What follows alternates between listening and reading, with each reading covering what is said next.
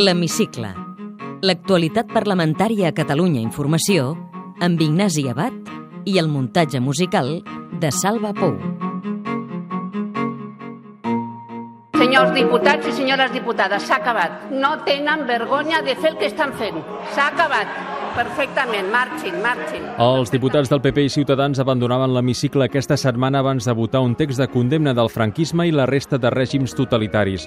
La crispació creixent pel procés sobiranista amb el rerefons de la concentració del 12 d'octubre per la unitat d'Espanya i les acusacions de parcialitat a la presidenta del Parlament van culminar dijous a la tarda en aquest gest de protesta dels grups d'Alicia Sánchez Camacho i Albert Rivera. Aquesta és la pel·lícula sonora d'un debat, el de la moció sobre memòria històrica, que recordarà com un dels més crispats dels últims anys al Parlament. Té sis punts aquesta moció. El primer és una reprovació del reconeixement a la Divisió en Azul realitzat per la delegada del Govern a Catalunya. Totes les víctimes mereixen respecte, però el pitjor és la teoria de l'equiparació Señor Bosch, ¿usted condena el marxismo como apología de la violencia y de la dictadura? Señora Calvet, yo condeno el asesinato y el fusilamiento de Companys. ¿Usted condena el golpe de Estado de Companys en 1934? Durant la intervenció del diputat del grup parlamentari popular hi ha hagut diputats que l'han interromput. La presidència s'ha mantingut impassible. Perdó, estava vostè aquí? Estava seguint en directe per la, Ah, pel circuit aquí no estava. tancat. I no és cert el que vostè diu. Jo li asseguro és que la nostra formació el dissabte no es manifestarà del costat de la Plataforma per Catalunya, de Falange Espanyola de les Jons. Presidenta, no sé si es una cuestión de orden, pero como usted ha permitido una valoración de un acto que se va a celebrar el sábado en el cual Ciutadans... ¿Qué os Senyor pasa? Cañas. ¿Qué os pasa? Senyor Cañas. ¿Qué os pasa? Si són al·lusions, sí, si no, no. I... Alusiones directas porque hay una intencionalidad política de intoxicar a ciudadanos que democráticamente Señor Cañas, se, no, vu- se quieren no manifestar continúe. y quieren concentrarse para defender. Señor Cañas, se me quita no la voz, seguiré continúe. gritando, Señor situación Cañas. y voluntad de confundiros. Senyor Cañas, calli. Senyor Cañas. Senyor Cañas, calli. S'ha acabat, eh? Senyors diputats i senyores diputades, s'ha acabat. No tenen vergonya de fer el que estan fent. S'ha acabat perfectament. Marxin, marxin. La situació es vol reconduir la setmana que ve a la Junta de Portaveus. El PP vol una disculpa de Núria de Gispert o que sigui rellevada. Alicia Sánchez Camacho. o la presidenta del Parlament es disculpa o el Partit Popular Català es veu obligat a demanar formalment la substitució de la presidenta del Parlament de Catalunya perquè no garanteix la igualtat respecte als diputats del Partit Popular. També Albert Rivera denuncia parcialitat. Estem absolutament en contra d'aquest intent de censurar a grups parlamentaris quan no diuen el que la presidenta, la majoria de la cambra o Convergència Esquerra volen sentir. El PSC creu que tot és fruit del debat sobiranista. Maurici Lucena. Això és un reflexe de la fractura i de l'esquerda que s'està produint a Catalunya. Jordi Turull de Convergència i Unió i David Fernández de la CUP, en canvi, hi veuen una estratègia de crispació deliberada. I la presidenta, en el seu bon fer, interpretant el reglament, l'intenta aplicar perquè hi hagi un debat ordenat. Quan un diputat se li treu la paraula, no el deixen parlar, o voldria o que per al·lusions o contradiccions hauria de parlar i no li deixen, el que no muntem és aquí un episodi. Jo insisteixo que avui alguns han volgut convertir això en un espot publicitari de cara a dissabte. Una estratègia absurda, teatral i escenificadora molt senzilla, que és agafar la pilota amb les mans, tirar-se a l'àrea i dir que és penalti a sobre. Que prenguin educació i que prenguin respecte, que estem al segle XXI.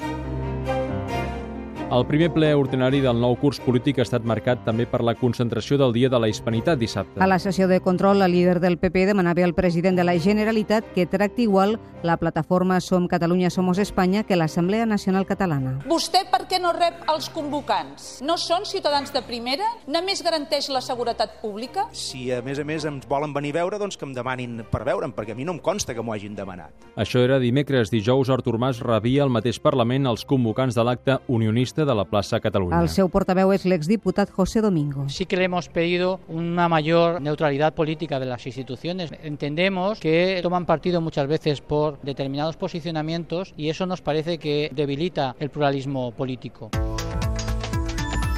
Al marge del 12 d'octubre, la setmana política ha girat entorn del model de finançament singular per Catalunya plantejat pel PP català. i que el govern espanyol no assumeix de moment. El president Mas veu la proposta com un reconeixement que s'han de canviar les coses. amb diferents graus, hi ha un diagnòstic gairebé compartit al 100% en aquesta cambra, que és que l'estatu quo actual no es pot mantenir. Fins i tot el PP català intenta d'alguna manera canviar l'estatu quo, amb èxit de moment perfectament descriptible. Però ho intenta.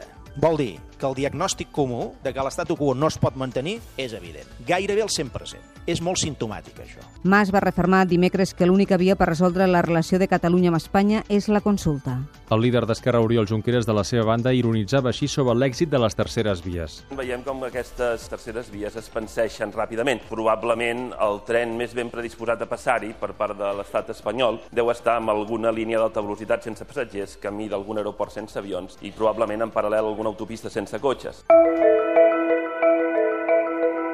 El Parlament ha rebutjat aquesta setmana suprimir la figura del cap de l'oposició que ara correspon a Oriol Junqueras. Ciutadans la volia eliminar i Iniciativa Esquerra Unida deixar-la vacant si el primer grup de l'oposició dona suport al govern com passa ara. Escoltem Albert Rivera de Ciutadans, Jaume Bosch d'Iniciativa i Oriol Amorós d'Esquerra Republicana. Aquest Parlament no és un Parlament bipartidista i segon, el motiu conjuntural és que el soci de govern no pot fer govern i ser el cap de l'oposició. Una nova regulació d'una figura que nosaltres, al contrari que Ciutadans, no pretenem suprimir, sinó que volem adaptar la seva configuració a l'evolució de la composició de la cambra i que pugui quedar vacant durant alguna legislatura si la situació ho exigeix. Del que estem parlant és del tracte protocolari del president del primer grup de l'oposició, de on s'asseu a la cadira quan fem un acte públic i de poca cosa més.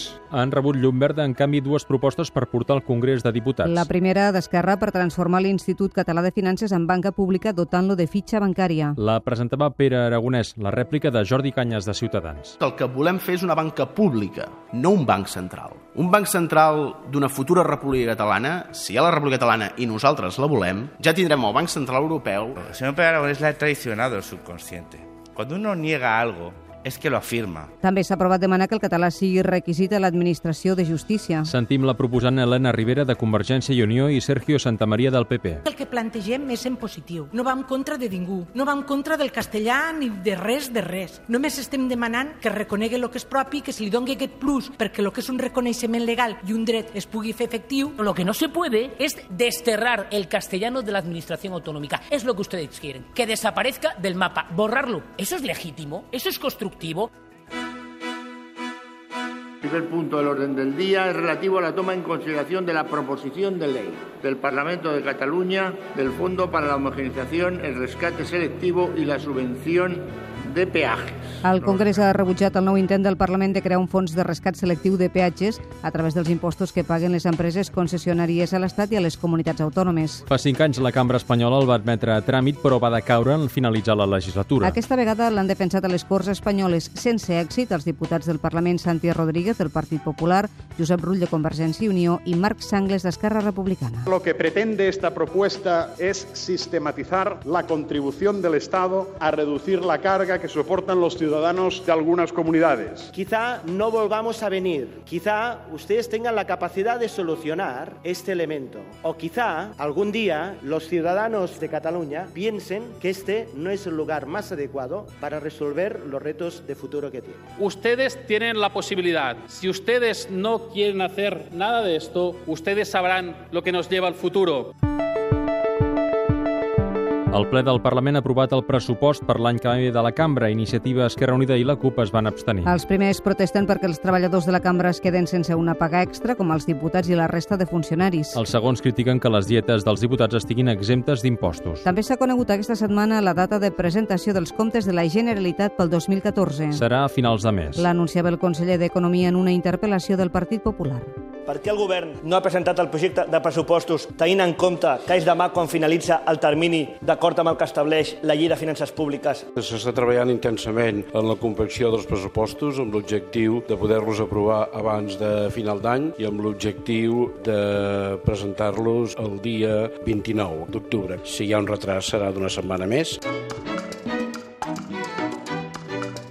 Té la paraula en Juli Fernández de Vela, del grup parlamentari socialista, i sóc alcalde de Palafrugell, un municipi de la Costa d'Olva. En una frase. Senyor Juli Fernández, completi la frase. El 2014 serà l'any de... De la consulta. Quina ha de ser la pregunta d'aquesta consulta? Quin model d'estatus volem tenir en relació a Espanya? Si la independència, si quedar-nos com estem, o un nou estatus, una alternativa.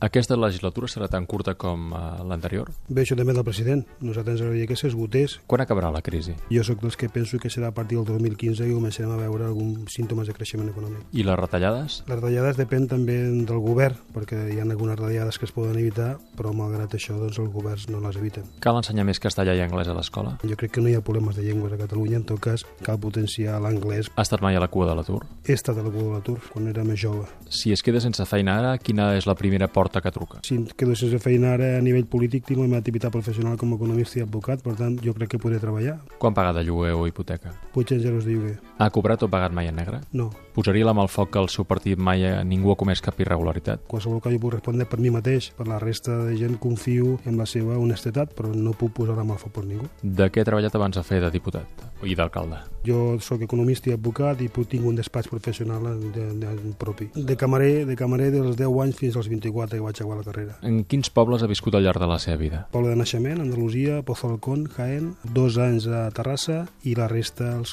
46 anys restants a Palafrugell. Un viatge pendent. Paraguai, Creu en el destí? Sí. I en l'amor a primera vista? també. Amb quin sex símbol li agradaria compartir una estona? Va, Sharon Stone. Quina és la pel·lícula de la seva vida?